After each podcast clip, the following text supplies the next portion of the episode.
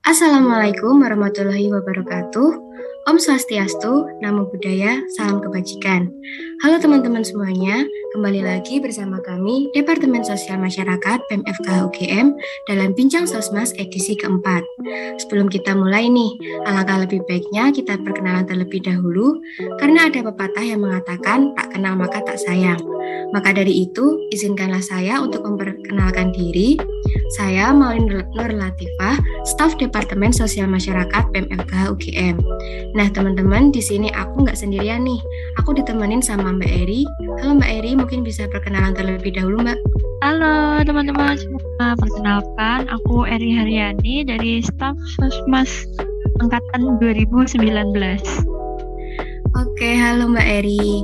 Nah, teman-teman, pada kesempatan kali ini aku sama Mbak Eri akan memandu jalannya Bincang Sosmas edisi keempat. Nah, teman-teman, tentunya pada kesempatan kali ini kita kedatangan pembicara yang luar biasa banget nih. Mungkin dari Mbak Eri bisa di-spill dikit-dikit nih Mbak siapa tamu kita malam hari ini. Nah, tamu kita hari ini dari teman-teman dari FIB nih, ada Mbak Radia dan ada Mbak Hema. Mungkin Mbak Radia bisa perkenalan dulu nih dan dilanjut dengan Mbak Ima. Halo teman-teman semuanya.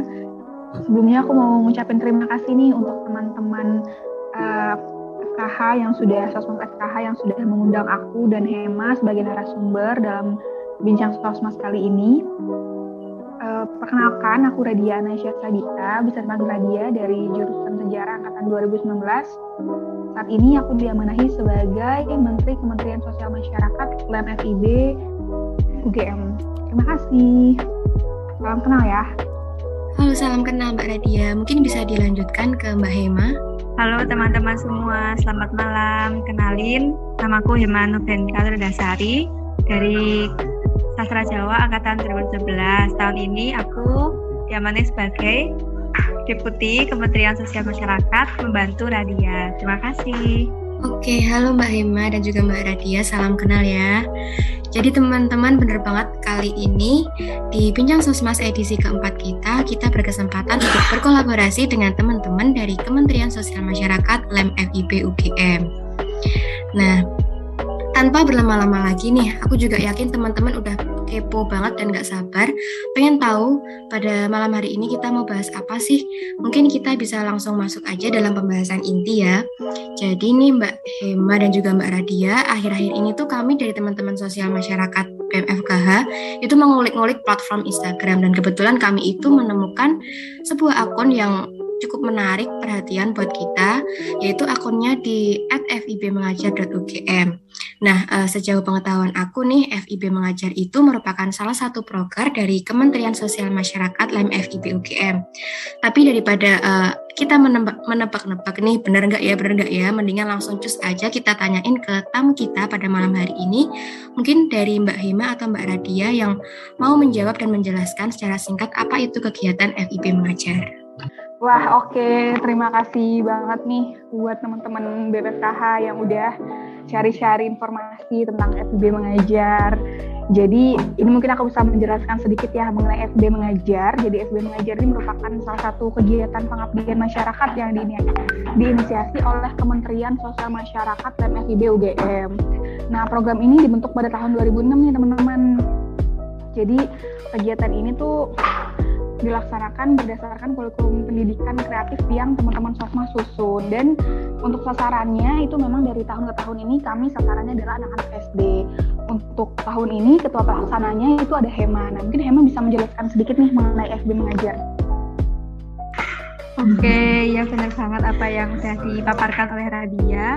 Jadi kegiatan FB mengajar ini merupakan kegiatan proker dari Kementerian Sosial Masyarakat. Nah, tahun ini kita pelaksanaannya di Dusun Mangir, Kecamatan Pajangan, Kabupaten Bantul. Dan Alhamdulillah tahun ini kegiatannya dilaksanakan secara luring. Oke, jadi ternyata udah lama banget ya Mbak ini dimulai uh, kegiatan FB Mengajar, yaitu udah dari tahun 2006. Udah cukup lama ya. Dan juga mungkin dari Mbak Eri ada yang mau ditanya, ditanyain Mbak? Nah, uh, tadi sesuai yang dijelasin sama Mbak Radia sama Mbak Iman kan udah cukup lama ya udah dilaksanakan dari tahun 2006 nah, untuk sasaran tempatnya sendiri itu gimana sih Mbak untuk tiap tahunnya apakah berbeda atau di tempat itu sampai sekarang gitu mungkin Oke, aku menjawab ya. Untuk tempatnya itu kita tiap tahun beda. Kalau tahun 2019 kemarin itu kita di Kecamatan Piungan Kabupaten Bantul dan selanjutnya di tahun 2020 itu uh, kebetulan kita nggak bisa melaksanakan karena ada pandemi dan di tahun ini kita beda tempat yaitu di dusun Mangir tapi untuk rencananya ke depannya nanti uh, kemungkinan bisa pakai tempat yang sama tapi uh, nggak menutup kemungkinan juga nanti kita pakai tempat lain gitu. Oh okay. jadi sampai saat ini ini ya mbak apa uh, rencana ke depannya itu masih mau di Mangir gitu ya. Nah, mungkin ada alasan tersendiri nih Mbak kenapa kok uh, untuk ke depannya rencana mau di Mangir gitu? Oke, jadi mungkin aku bisa ceritain dulu kenapa kita milih, milih Dusun Mangir ini sebagai tempat FIB mengajar. Karena uh, eh, FIB mengajar ini dari Sosmas itu memang kita nggak punya apa ya belum punya tempat fix untuk mengajarnya. Dan kemarin sempat cari-cari juga untuk mengajar di mana yang cocok. Kebetulan ada anggota Sosmas yang memang rumahnya dekat di dusun Angir itu. Dan uh, dia bilang kalau memang di daerahnya untuk pendidikan pendidikan anak-anak anak-anak lagi perlu untuk dioptimalisasikan lagi. Makanya karena hal itu akhirnya kami memilih dusun Angir dan kenapa untuk tahun depan atau ke depannya kita rencanakan dusun Angir karena kemarin juga alhamdulillah dapat dapat respon yang positif juga dari masyarakatnya terus dari kepala dukuhnya. Dan rasanya kalau misalnya hanya berhenti di satu periode ini atau sudah dilanjutkan lagi itu sayang sekali. Jadi kemungkinan ke depannya akan dilanjutkan lagi. Oke jadi uh, sesuai yang udah disampaikan sama Mbak Radia dan Mbak Hema tadi kan ini kegiatannya itu uh, sasarannya anak SD ya Mbak.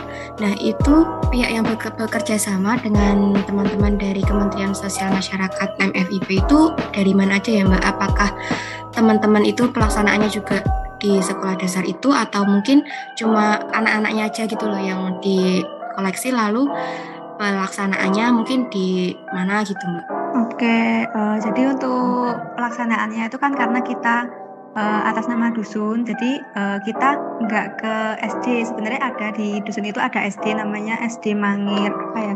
Itu tapi uh, kita nggak pakai sekolah tersebut. Kita uh, fokusnya ke anak-anak dusun di Mangir. Dan alhamdulillah kemarin juga uh, jumlah pesertanya, jumlah anak-anaknya juga lumayan banyak, sekitar 30 anak dari TK sampai SD kelas 6 gitu. Oke, jadi untuk sasarannya itu tidak menutup kemungkinan ada dari uh, usia TK juga ya Mbak. Dan apakah itu tuh kayak ditarget uh, pelaksanaannya untuk sekitar misal 30 orang atau ya udah seadanya anak uh, bisa ikut semuanya kayak gitu Mbak? Kalau kita kemarin uh, kita target itu kita minta ke Bapak dukuhnya buat minta anak sekitar 30 buat ikut kegiatan itu.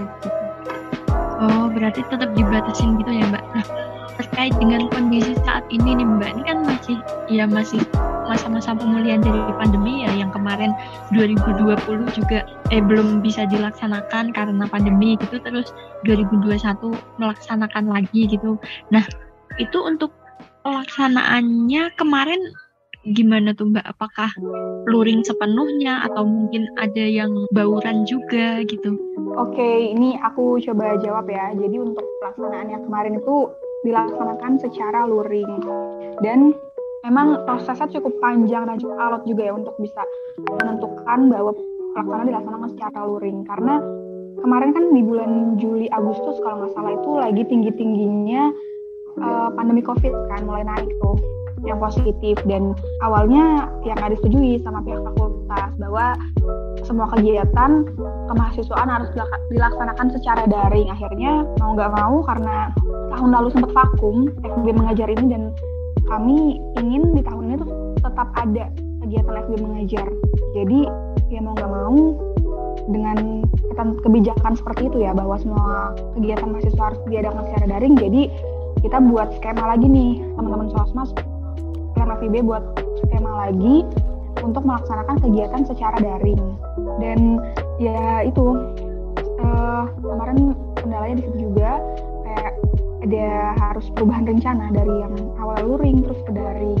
Kemudian ternyata di akhir-akhir uh, tahun ini mulai membaikan untuk jumlah peningkatan COVID nggak terlalu tinggi dan setelah kami negosiasi, negosiasikan lagi ke pihak fakultas, alhamdulillah diizinkan untuk mengadakan kegiatan secara luring. Dan untuk FB mengajar ini merupakan kegiatan pertama yang dilaksanakan secara luring di FIB karena sebelumnya kegiatan-kegiatan lainnya uh, itu nggak boleh dilaksanakan secara luring? Dan ini dan ini dekannya sendiri yang ngomong bahwa ini FB mengajar ini merupakan kegiatan pertama yang dilaksanakan secara luring dan di, dan diberikan izin. Karena kan KKN juga kan untuk tahun ini semuanya online ya tapi untuk FB mengajar alhamdulillah bisa dilaksanakan secara off. Mungkin dari Hema mau menambahkan Hem? Dari aku cukup. Oke, terima kasih atas penjelasannya dari Mbak Radia. Uh, emang ya Mbak, waktu uh, pandemi-pandemi saat ini tuh yang lebih terasa dampaknya tuh emang di teman-teman dari sosial masyarakat. Soalnya uh, awal-awalnya itu kegiatannya kita kan mostly uh, dilaksanakan secara offline, akan tapi uh, saat ada pandemi ini kita harus memutar otak bagaimana caranya supaya uh, bisa tetap dilaksanakan meskipun dalam dalam keadaan uh, daring maupun bauran. Nah, uh, untuk pertanyaan selanjutnya nih Mbak, uh, kita belum tanya-tanya nih kegiatan spesifiknya dalam FIB mengajar itu seperti apa ya Mbak? Mungkin uh, belajar bersamakah atau bermain atau dan sebagainya?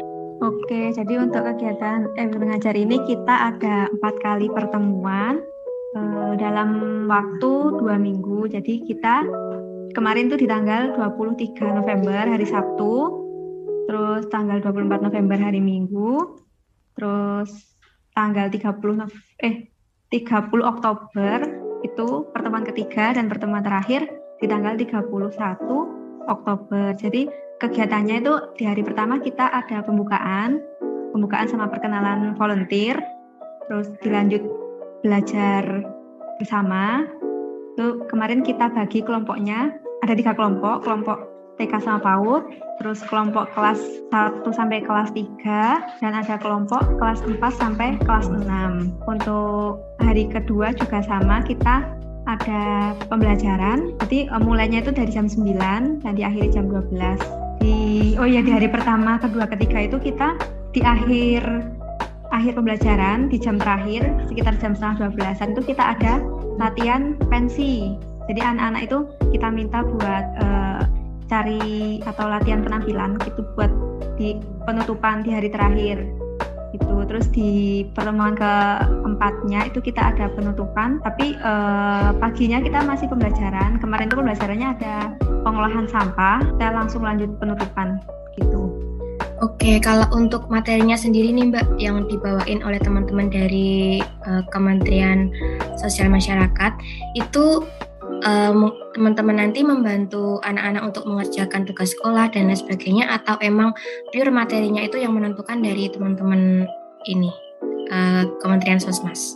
Untuk materinya itu kita uh, udah menyiapkan materi pengolahan sampah, materi kebencanaan, materi makanan sehat, sama COVID. Oh iya, tentang protokol kesehatan. Tapi kita juga uh, tetap membantu anak-anak. Jadi uh, di hari pertama itu kita bilang ke anak-anak kalau ada yang punya tugas itu disuruh bawa gitu jadi kita bisa bantu untuk penjelasan materi dan lain-lain gitu. Oke, jadi materi yang diberikan itu nggak melulu tentang uh, akademik gitu ya Mbak? Mungkin ada hal-hal baru yang terutama relate sama kehidupan sehari-hari kayak pengolahan sampah, terus ada uh, pencegahan COVID dan lain sebagainya. Nah tadi uh, sempat disinggung nih Mbak ada open volunteer. Nah itu open volunteernya itu bersifat terbuka untuk teman-teman dari uh, eh, FIB atau hanya uh, lingkupan lem aja atau seperti apa? Uh, betul banget, kita uh, ada open volunteer itu kita buat mahasiswa FIB dari angkatan 2019 sampai angkatan 2021. Kemarin pendaftarnya lumayan banyak, sekitar 69 orang dan kita hanya menerima 18 volunteer pengajar sama 4 volunteer DDD. Oke, jadi untuk uh, kayak divisi yang diperlukan itu cuma ini ya Mbak, mostly uh, pengajar dan juga DDD. Mungkin ada yang lain nggak? Oke, kalau untuk divisi yang diperlukan memang uh, hanya untuk pengajar dan DDD desain, dokumentasi dan dekorasi. Karena tapi untuk secara keseluruhan itu ada divisi lainnya, ada divisi acara, materi, logistik, terus sekretaris bendahara itu juga ada. Namun semua divisi itu dikoordinasi dikoordinasiin oleh teman-teman sosmas, anggota sosmas dan karena kami bisa tidak apa ya, istilahnya tidak memerlukan untuk yang tidak memerlukan orang, makanya yang dibuka volunteer yang membutuhkan volunteer hanya divisi pengajar dan DDD. Wah menarik banget nih banyak ya ternyata kegiatannya bahkan sampai empat hari kemarin. Nah selanjutnya nih yang pastinya nggak bakalan lepas dari kendala nih teman-teman FIB kemarin melaksanakan kegiatannya tuh. Nah mungkin bisa nih diceritakan mbak kendalanya kemarin um, dalam pelaksanaan FIB mengajar tuntah mungkin dari perizinannya mungkin atau pembatasan peserta karena emang masih masa pemulihan ya ini. Oke, kalau untuk kendala itu ada mengenai perizinan ada sudah jelaskan juga di awal bahwa ya karena kami kan awalnya nggak boleh melaksanakan secara luring. Nah akhirnya kami membuat skema untuk laksanakan secara daring, terus kemudian juga kemudian akhirnya dibolehkan untuk melaksanakan secara luring. Kalau untuk perizinan seperti itu dan juga selain itu karena sudah diizinkan untuk melaksanakan secara luring dan juga dari pihak fakultas menghendaki bahwa yang ikut berpartisipasi dalam proses pelaksanaan FB mengajar itu tidak boleh lebih dari 15 orang. Sedangkan pada saat itu volunteer ada hmm, ada 22 orang secara keseluruhan, terus anggota sosmas ada 12 orang, kemudian juga uh, ada magang juga, kami juga melibatkan anak-anak magang sosmas dan itu lebih dari 15 orang kan. Jadi karena hal itu itu tuh baru dikasih taunya Hamin satu pelaksanaan. Jadi pelaksanaannya tanggal 29 ya, pelaksanaan tanggal 29 Oktober dan baru dikasih tahu tanggal 28 Oktober bahwa pihak fakultas hanya menghendaki 15 orang aja ya minimal, maksimal maksimal. Dan kira mau nggak mau kita juga menegosiasikan lagi kepada pihak fakultas uh, menjelaskan juga bahwa bahwasanya karena di awal pihak fakultas tidak tidak mengatakan apa-apa ketika kami menerima volunteer sebanyak 22 orang akhirnya dan juga supaya win solution ya akhirnya selama empat kali pelaksanaan itu kita bagi dua uh, bagi dua apa dua kelompok. Jadi yang kelompok pertama itu ikut mengajar di hari pertama kelompok kedua ikut mengajar di hari kedua terus kemudian di hari ketiga itu yang mengajar kelompok pertama di hari keempat yang mengajar, yang mengajar kelompok kedua seperti itu. Um, itu sangat dinamis sekali ya. Jadi kita juga nggak menyangka bahwa ternyata kalau kegiatan luring itu akan sedinamis ini. Karena sebelumnya kan uh, teman-teman sosmas udah berdinamika secara daring dan kendalanya nggak sesulit atau nggak sepadat di kendala luring. Nah, tapi kemarin kita menghadapi itu dan alhamdulillahnya mungkin karena hal itu juga bisa menguatkan atau jadi merekatkan anggota-anggota sosmas gitu untuk manajemen konfliknya juga dan untuk mencari mencari solusinya. Nah, mungkin untuk uh, kendala lain bisa dijelaskan oleh Hema. Oke, untuk kendala yang lain itu kita ada kendala cuaca di hari ketiga kemarin itu sempat paginya itu hujan dan deras kan. Nah, itu sampai jam 9 pas uh, harusnya itu udah mulai acaranya. Itu kita ternyata pesertanya itu yang datang hanya beberapa. Jadi uh, karena itu mau nggak mau kita juga harus menunggu anak-anaknya buat datang lumayan banyak jadi kita waktunya juga mundur gitu. terus kendala selanjutnya kita ada kendala kendala pendanaan. Itu uh, dari fakultas. Hanya ada uh, satu juta satu tujuh ratus lima puluh itu uh, kalau dihitung-hitung itu uh, kurang untuk biaya operasionalnya dan kemarin untuk menutup itu karena kan kita juga perlu konsumsi di hari 1 sampai ke 4 itu kemarin Eh, Eh, teman-teman uh, volunteer dan juga teman-teman sosmas itu iuran untuk konsumsi gitu.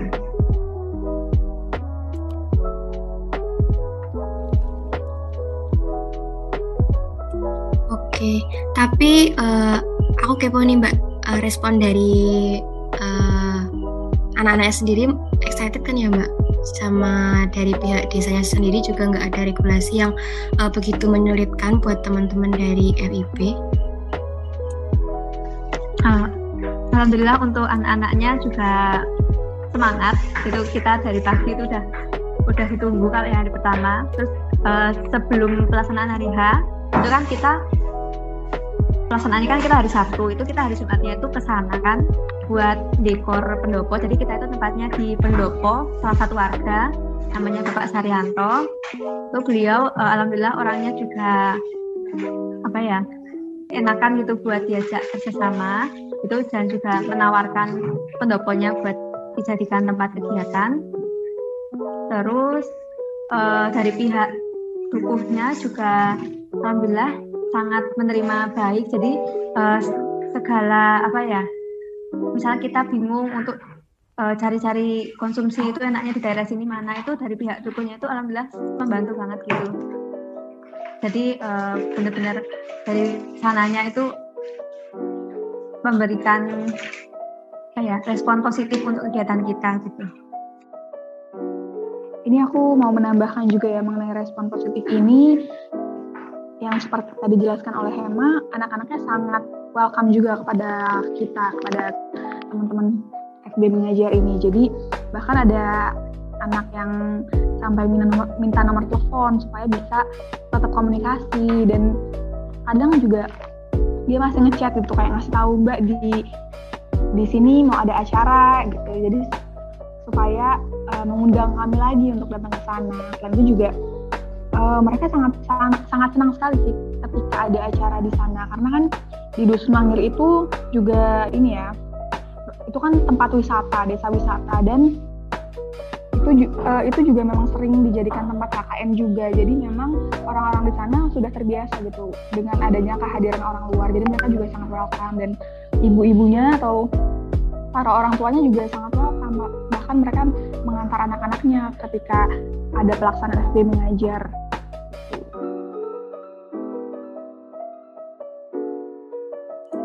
Oke, alhamdulillah. Berarti ya Mbak sangat uh, respon dari pihak sananya sendiri juga sangat welcome.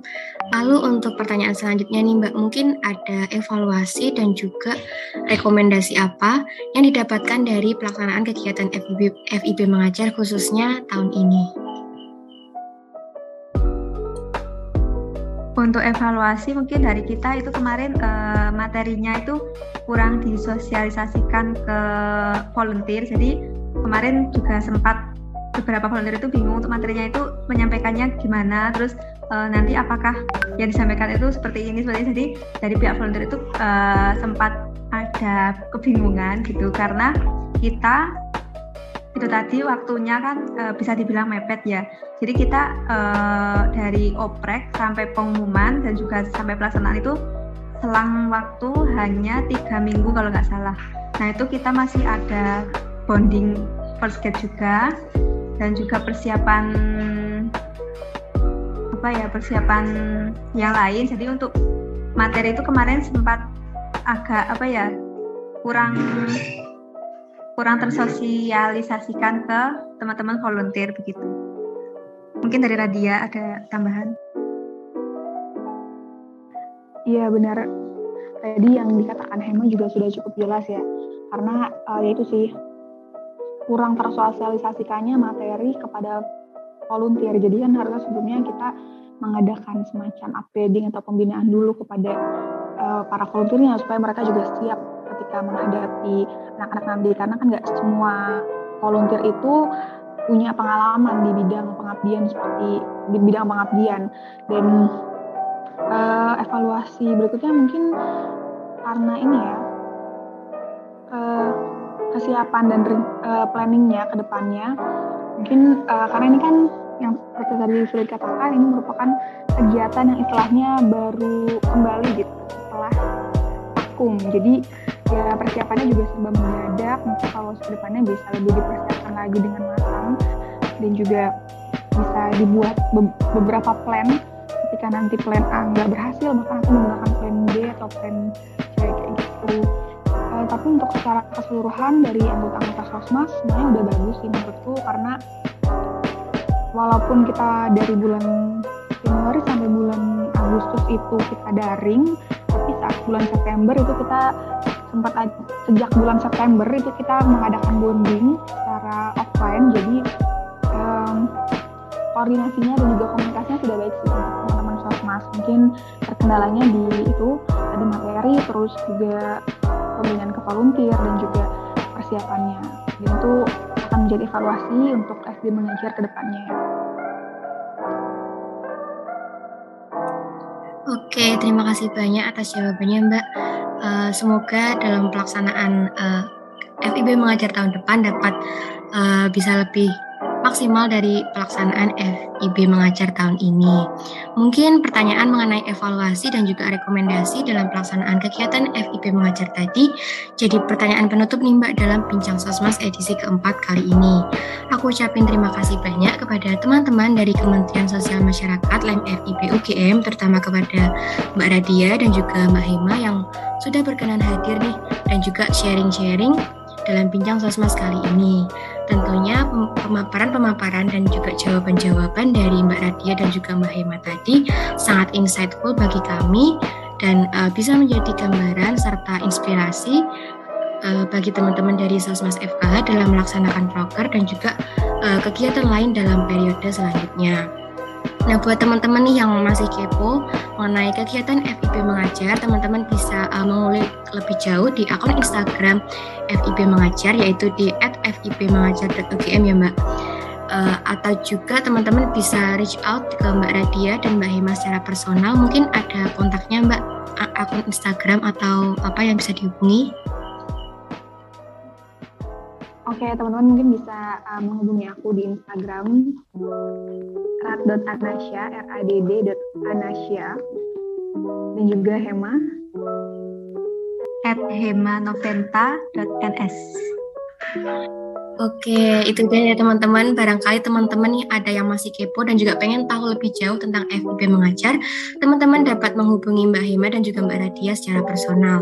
Nah, mungkin cukup sekian Bincang Sosmas edisi keempat kali ini. Sekali lagi aku mengucapkan terima kasih banyak kepada Mbak Radia dan juga Mbak Hema yang sudah berkenan hadir dan juga ngobrol bareng kita pada malam hari ini. Saya akhiri. Wassalamualaikum warahmatullahi wabarakatuh. Selamat malam semuanya. Sampai jumpa di lain kesempatan.